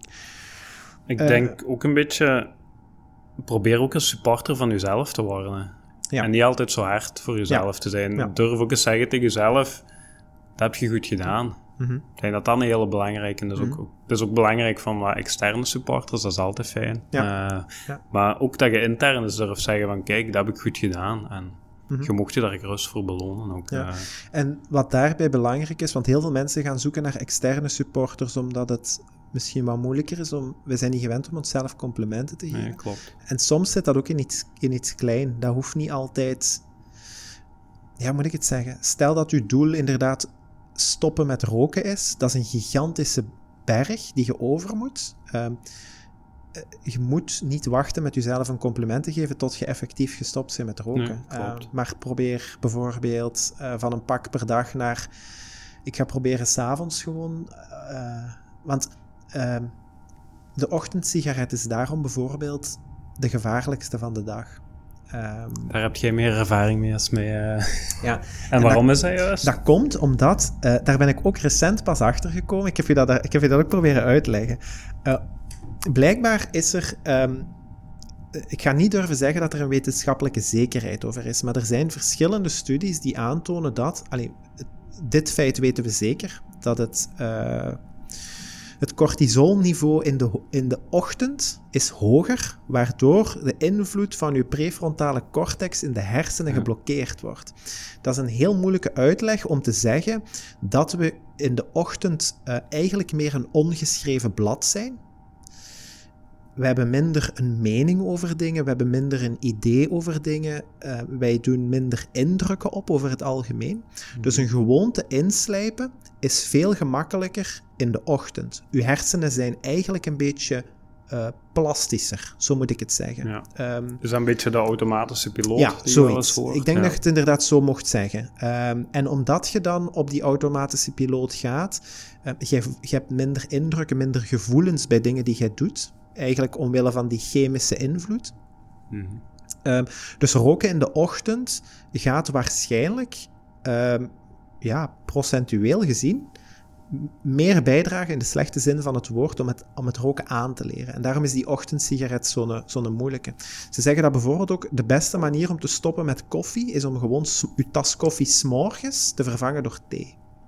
Uh, omdat die eerste koffie is waarschijnlijk de reden waarom dat jij je gewoonte zo blijft aanhouden. Ja. Uh, en dat is een puur chemisch proces. En dat vind ik altijd, uh, als het zo in de hersenen zit, uh, vind ik het altijd super interessant. Mm -hmm. En dan heb je mij wel. Ja. Dat motiveert mij ook. dus ik ben nu vooral in de ochtend. Mediteren doe ik nu ook altijd in de ochtend. omdat ik weet dat dat... Nu weet ik dat. Ik sta op en dat is het eerste dat ik doe. Ja, ik kijk wow. niet naar mijn gsm. Ik doe heel weinig indrukken op. Um, ik ga niet eerst nog doorheen heel het huis of zo. Uh, het is echt gewoon... En ja. doet je dat met begeleiding van een app of gewoon... Ja, maar dat is, dat is eigenlijk gewoon een timer. Dus daar staat geen muziekje ah. achter of zo. Dus daar gaat zo een, uh, een soort van Tibetaanse gong gaat daar zo af. Uh, ja. enfin, ik doe het nu zoveel. Um, veel meer Aladdin lijken dan dat het is. um, maar dan mediteer ik tien minuten en dan gaat er nog een... Maar dat is gewoon dat ik weet dat ik er ben. Vanmorgen voelde het echt... Pakt, pakt de helft van de tijd of zo. Vanmorgen was echt wel een goeie. Uh, ja, ik merk het. Ja. En, Hij zit hier uh, met een grote lach. Ja, mensen zien dat natuurlijk niet. Maar, um, maar ja, van, vanmorgen, was, vanmorgen was het bijvoorbeeld wel een goeie. En ik, dat is gewoon, ik sta op, ik ga naar de badkamer, omdat ik me daar allee, een beetje wil opfrissen. Ik drink dan iets. En ik mediteer ook in de badkamer. Dat is bewust, omdat ik niet te veel kamers door wil en zo. Echt om, om op dat uh, neurologisch proces in te spelen. Ja. Dat is mijn oefening. Um, ja, als je van, met van die dingen vind ik altijd boeiender. Uh, dat is ook de reden waarom ik ben beginnen met, met mediteren, omdat Steven Lorijs daar een boek over geschreven mm -hmm. heeft. Want anders had ik daar waarschijnlijk nooit iets mee gedaan, denk ja, ik. Is eigenlijk een andere dokter gevonden dat hij daar ook een boek over geschreven ja. ik, ik, denk dat veel rond dat thema zo... Ik had dat persoonlijk ook, hoor. Um, het klinkt als je... Voor ik die boek had gelezen, vond ik het ook zweverig. Ik stond tegenover die boek ook, ja, hij is inderdaad neuroloog, dus ik dacht super interessant om, om die visies te lezen. Maar ervoor dacht ik ook van, ja, dat is volgens mij dus echt niks voor mij. Dat is zo zweverig en, en ja. zo een beetje spiritueel, denk ja, je. Voilà. Maar eigenlijk, ja, ik kan iedereen het boek aanraden om eens te lezen. Ja, zeker, Zelfs zeker. niet, allee, je moet daarom niet gaan mediteren, maar wel dat je die inzichten krijgt die hij geeft. Zeker, uh, zeker. Dat is wel belangrijk. Ik kan iedereen het, uh, ja, het boek heet No Nonsense meditatieboek, Steven ja. Laurijs. Steven Laurijs is uh, professor aan de Universiteit van Luik. Um, heel, ik zou die ook eens heel graag willen uitnodigen, eigenlijk. Hm. Um, Steven, als je luistert. Stuur een gele briefkaart. um, nee, allee, misschien, moet, misschien moet je dat gewoon eens proberen. Ik ga, ik ga eens kijken. Ik ga eens kijken. Ik hou je op de hoogte. Um, maar dus, wij zaten... Uh, ik ben even terug naar zo de, de, de, de tips aan het gaan. Hè. Um, ik som op. Sociale controle, gewoontes inslijpen, rustig opbouwen de positieve benadering, daar hadden we de vorige aflevering eigenlijk ja. ook al eh, sterk over. Dat je, ja, die moeten vervangen uh, en vermijden liefst. Uh, ja, dat we veel meer dingen willen doen. Um, we doen het ook uiteindelijk voor onszelf en niet voor iemand anders. Dat is, dat is trouwens een heel slechte motivatie om een voornemen. Zo, dat, je het voor, eh, dat is je externe motivatie. Mm. Um, dat je er beter wilt uitzien voor iemand anders, uh, ja, is moeilijker vol te houden dan het. Uh, dus probeer het inderdaad in een willen te formuleren, omdat dat voor u ja, gewoon gewoon meer slaagkans geeft. Hè. Mm -hmm. Fouten maken mag, blijft daarin ook altijd belangrijk. Um, stel, stel dat je heel positief aan je goed voornemen begint, uh, half maart merkt je min 5 kilo. Uh, top. Hè. Ik, hmm. ik, zit terug in het voorbeeld van min 10. Uh, is het streefdoel, uh, als je dan al voor zit op schema midden maart en je denkt, ja, nu ga ik even, even lossen en je komt terug 3 kilo bij, dat is stevig gelost ook mm -hmm. wel. Ja. maar ook dat is heel oké, okay, want eigenlijk als je, ja, een boekhouder zou zeggen, dat is nog altijd min 2. Uh, ja, dat is klopt. goed, hè? Uh, dus je zit, nog geen, je zit nog geen verlies aan het draaien. Um, ja. En dan is het gewoon de kwestie van op een gegeven moment terug uh, in te haken en, uh, en uh, te ja, beginnen. Terug herpakken, zeker. Ja. Um, alle doelstellingen, maar daar, ja, ook zo aflevering 1, hè, probeer al uw doelstellingen inderdaad terug tegen dat licht te houden, dat het simpel is, hè, dat het smart geformuleerd is, ja. dat, het, dat het vol te houden is. Stel uzelf ook af en toe eens opnieuw die vraag: waarom ben ik hiermee begonnen? Evalueer voor jezelf ehm, waar je nu staat. Ja. soms is zo'n evaluatiemoment ook gewoon voor jezelf uh, belangrijk om te kunnen zien wat je wel al bereikt hebt. Ja, klopt. Uh, maar geef jezelf dan ook die schouderklopjes van, ja, kijk, dat heb ik goed gedaan. En je gaat, denk ik, ik bedoel, als je evaluatie hebt, al had je vroeger evaluatie op school, uh, op het werk, er zijn altijd werkpuntjes. Hè? Ik bedoel, dat is ook heel normaal. En dan moeten we accepteren dat dat er gewoon bij hoort. Want ik denk ook om, om nog even op het inslijpen van die gewoonte terug te komen. Uh, als we gaan kijken naar bijvoorbeeld fysieke belasting en aanpassingstijd dat je lichaam nodig heeft. Hè, als, als je doel iets, iets lichamelijk is of met voeding is, ja, dan zit je vaak toch al aan een twaalftal uh, weken uh, of een goede drie maanden dat je lichaam nodig heeft om zich aan te passen. Ja, als jij na een maand al zoiets hebt van dit werkt niet voor mij, ik stop hiermee, ja, dan heb je het ook niet echt een kans gegeven. En je lichaam ook vooral niet de kans gegeven om zich aan te passen. Uh.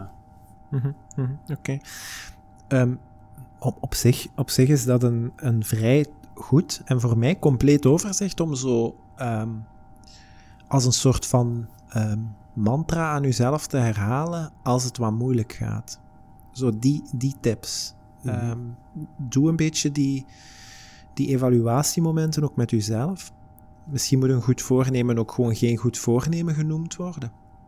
want ja, de traditie leert ons dat we die gewoon graag overboord gooien. Niemand zegt dat dat zo moet heten, maar doe dat gewoon omdat je jezelf beter wilt voelen. Ehm, en en in, in dat proces om jezelf beter te doen, te doen voelen, heb je gewoon per ongeluk iets dat een goed voornemen heet. Ja. Um, wat uh, voor mij ook heel belangrijk is, en ik ben heel blij dat uh, ook daar de, de wetenschap mij volgt. Enfin, ik zal de wetenschap volgen. Mm. Uh, um, zo, zo, zo, nederig wil ik, wil ik nog wel zijn.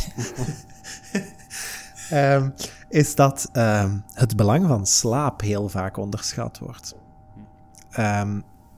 vertel daar eens meer over. Ja, nu, ik ben voor alle duidelijkheid geen, geen slaapexpert.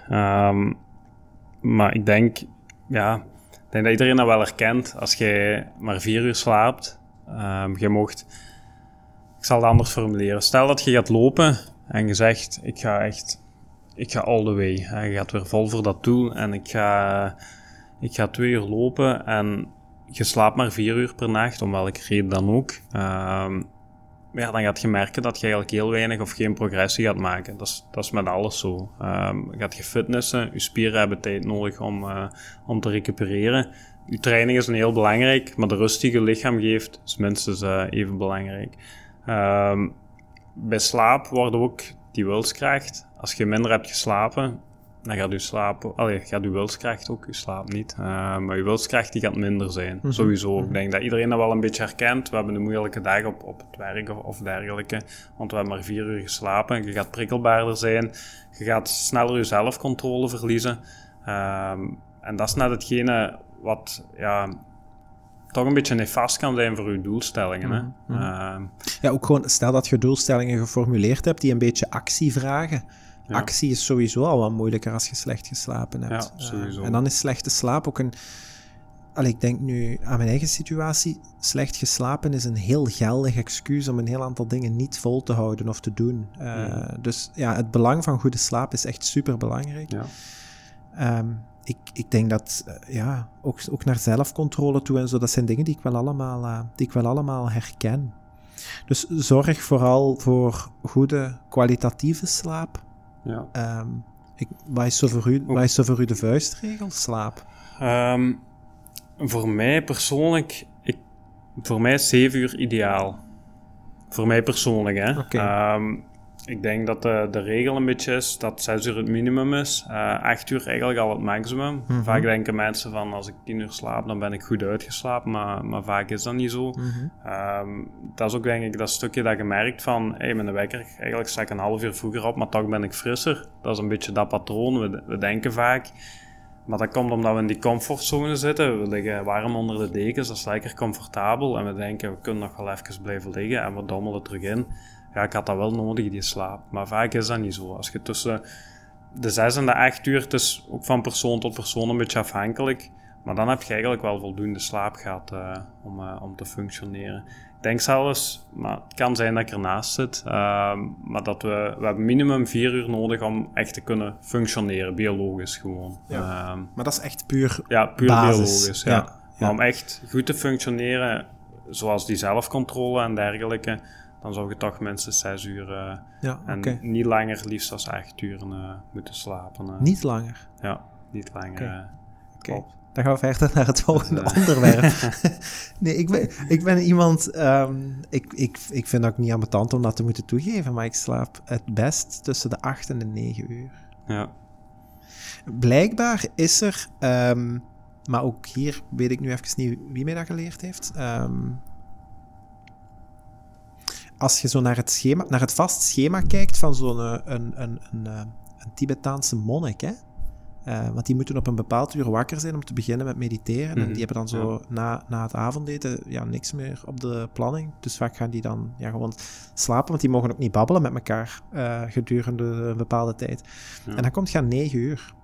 Uh, ja. En ik vond dat voor mij altijd een goed excuus in de goede richting dan. Om, om, gewoon Uh, misschien is dat mijn, misschien ben ik ja, op, op, op, op genetisch vlak minstens voor een stuk Tibetaanse monnik of zo, ik weet het niet. Um, maar ja, voor mij is dat nu gewoon wel, uh, zolang ik er regelmaat in, in steek. Want ja. um, als ik ook in het weekend iets te veel ga afwijken van mijn schema door de week, uh, heb ik daar ook wel weer een paar dagen voor nodig om daar om recht terug te om te schakelen, ja. Ik denk ook dat, dat die regelmaat belangrijker is dan, dan effectief want je leest ook overal wel, wel eens andere uren. Hè? Ik bedoel, soms in de krant staat dat je best 7 tot 9 uur slaapt. Of, uh, ik ga nu niet zeggen dat 9 uur slecht is. Uh, dat is een beetje hoe ik het heb gezien. Ja. Uh, in, mijn, mijn, lessen ook over beweging en slaap en dergelijke. Daar zeggen ze 6 tot 8 uur.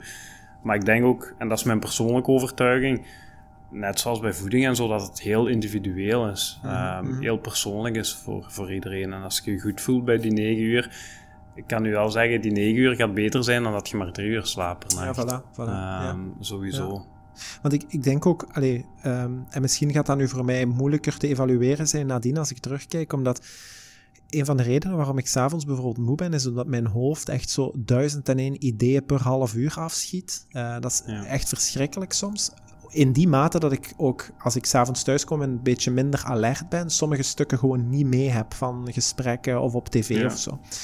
Um, en ja, ik ben één aan het werken met eh, die aandachtsmeditatie, dus dat gaat wel al een stap in de goede richting zijn. Ik ben dan ook wat op mijn slaappatroon aan het letten, dat gaat ook een stap zijn in de goede richting. Dus misschien ga ik daardoor ook gewoon minder slaap nodig hebben. Mijn hersenen, ik denk ook echt allee, dat die het op het eind van de dag ook kotsmoe zijn met altijd die ideeën te blijven bedenken. Mhm. om, en dat zijn echt belachelijke dingen soms. Um, Geef een voorbeeldje. Goh, ik, ik was overlaatst aan het nadenken en echt heel diep aan het nadenken.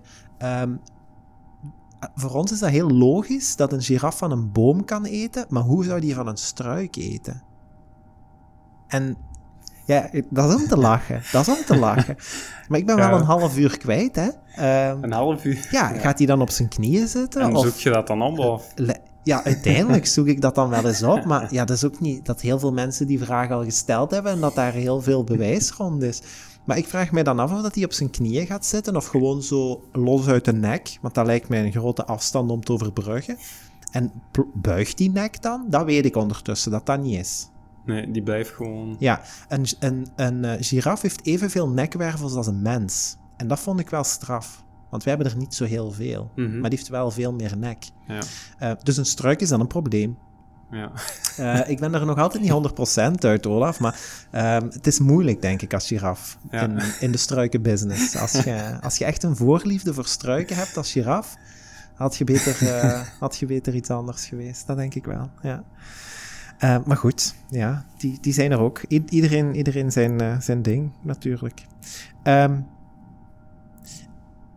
even zo ja, misschien ook, misschien ook wat, wat terugkijken naar alles wat we overlopen hebben. Um, we, we, zijn begonnen met dan inderdaad, hè, we hebben die goede voornemens bepaald. Dat hebben we vorige aflevering ook een stuk gedaan. Mm -hmm.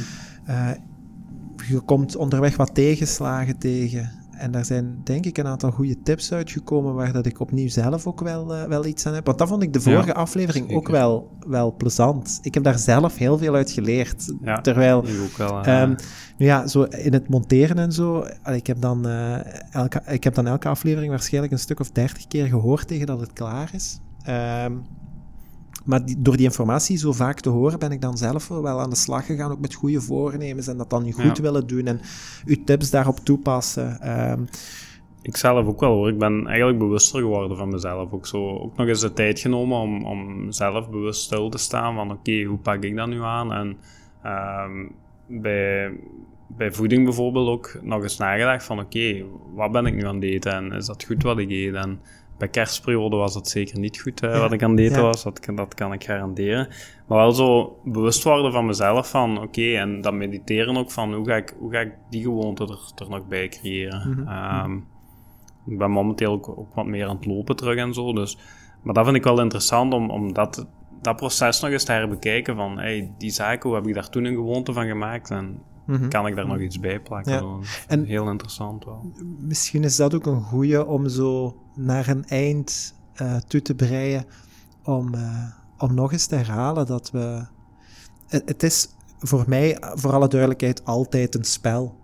Um, ik ja. neem dat nooit levensnoodzakelijk, dat is nooit van levensbelang. Maar als ik onderweg een beter persoon kan worden, een beter mens kan worden voor mezelf of voor mensen rondom mij, heel graag. Mhm. Mm -hmm. um, en zo die, die, die, ja, die spelletjes die je dan doet, zo die kleine doelen behalen en daarover nadenken en evalueren, je eigen personal coach worden, ja. een gids zoeken die je daarin kan begeleiden, al die dingen zijn daarop toe te passen. Maar je moet, ja, er wordt heel veel van ons verwacht, van iedereen verwacht, alle Ja. dagen. Um, dus zij, allee, maken daar vooral geen te strenge beoordeling van. Nee, vind ik Um, ook... eh, Een beetje zacht zijn voor onszelf mag ook absoluut wel. Ja, ehm, sowieso. En ondertussen, allee, ja, word je daardoor nog een beter, word je daardoor nog een beter persoon, vooral voor jezelf. Hè? Een beetje bouwen aan jezelf, Ja, vind ik ook. eh, voilà. Want ik denk ook, ja. als de gewoonte er is en je hebt iets ingeslepen en je slaapt beter en je kunt inderdaad mediteren, ehm, ja, je zit daar wat, wat bedreven in, ehm, je eet gezonder, je sport een beetje meer. Je gaat Mhm. ook gewoon, allee, jezelf vooral heel dankbaar zijn als je daarop Ja. terugkijkt. En mensen in uw omgeving ook. Want je gaat je beter voelen en je gaat automatisch gewoon een aangenamer persoon worden, denk ik. En ik heb nu bewust een aantal dingen opgesomd om het zo heel veel te doen lijken. Maar je moet gewoon, ja, gewoon beginnen met iets. Gewoon één kleine stap die er, die er misschien in de hele wereld eh, zeer weinig toe doet. Maar daar is iedereen mee begonnen. Ja, Ooit. ja, dat is ook zo. Ooit. 100% mee akkoord. En als het niet lukt, we zijn nog altijd bereikbaar, denk ik. Ja, hè. absoluut. Dus, Misschien moet je dat ook nog eens herhalen. Ehm, we hebben dat eh, eh, aan het begin van aflevering 1 al eens gelanceerd. Er zijn ook een aantal mensen die zo allee, wel, wel wat vragen gesteld hebben. Er was ook een vriendschapsverzoek voor Olaf Ja, bij. ja. Ik heb daar nog altijd geen antwoord op. Dus we gaan, we gaan ik, daar... ik heb eh, het vriendschapsverzoek eerlijk gezegd nog niet ontvangen. Ik was wel een beetje teleurgesteld. Oké, Eh, het was- het het was- stond wel zwart op wit, maar het, waren, het waren woorden, woorden zonder geen officieel eh, verzoek gekregen. Dat is ook een heel slecht goed voornemen. Alleen maar woorden zonder Ja, daden. vind ik ook... eh, Oké, Ehm, maar ja, op zich was daar wel een reactie op. Mochten er nog eh, reacties of opmerkingen zijn, of wilt iemand een vraag stellen of een verhaal delen, eh, doe dat heel eh, ja, graag zelfs. ja. Dat kan via ehm, onze Facebookpagina, de Instagram-pagina, die altijd eh, Over Mensen heet, op eh, beide platformen. Via de website www.overmensen.be vind je eigenlijk ook alle informatie terug, ook weer naar die social media kanalen. En dan is er nog een e-mailadres en dat heet podcast.overmensen.be. Olaf, ehm, ik, ik voel bij mezelf dat ik hierdoor ook alweer eh een beetje een beter mens geworden ben. ja, ik ook zeker. En extra gemotiveerd. Voilà. En we hebben dat heel goed gedaan om onszelf ook een compliment te Ja, geven. voilà. Eh, we gaan eh, heel hard werken aan een volgende aflevering. We zijn er nog Ja. niet helemaal uit wat we gaan doen. Nee. We moeten daar eens... het wordt zeker iets met, met hersenen. Of een effect op hersenen. ja. Sowieso. Oké, we gaan daar iets mee doen. Dat is voor mij een motivatie. Voilà. Het zal niet over gitaar gaan. Misschien komt de giraf nog terug, maar dat kan ik niet beloven. Eh, en voor de rest, iedereen heel veel succes met die goede voornemens. En Ja, dan eh, zeker, horen wij elkaar binnenkort opnieuw. Olaf, merci. Tot, Super. eh, tot de volgende Aan iedereen keer. ook merci en heel veel succes. En Succes en, met het mediteren ook. Ja, dankjewel. Salut, hè. Snoekjes.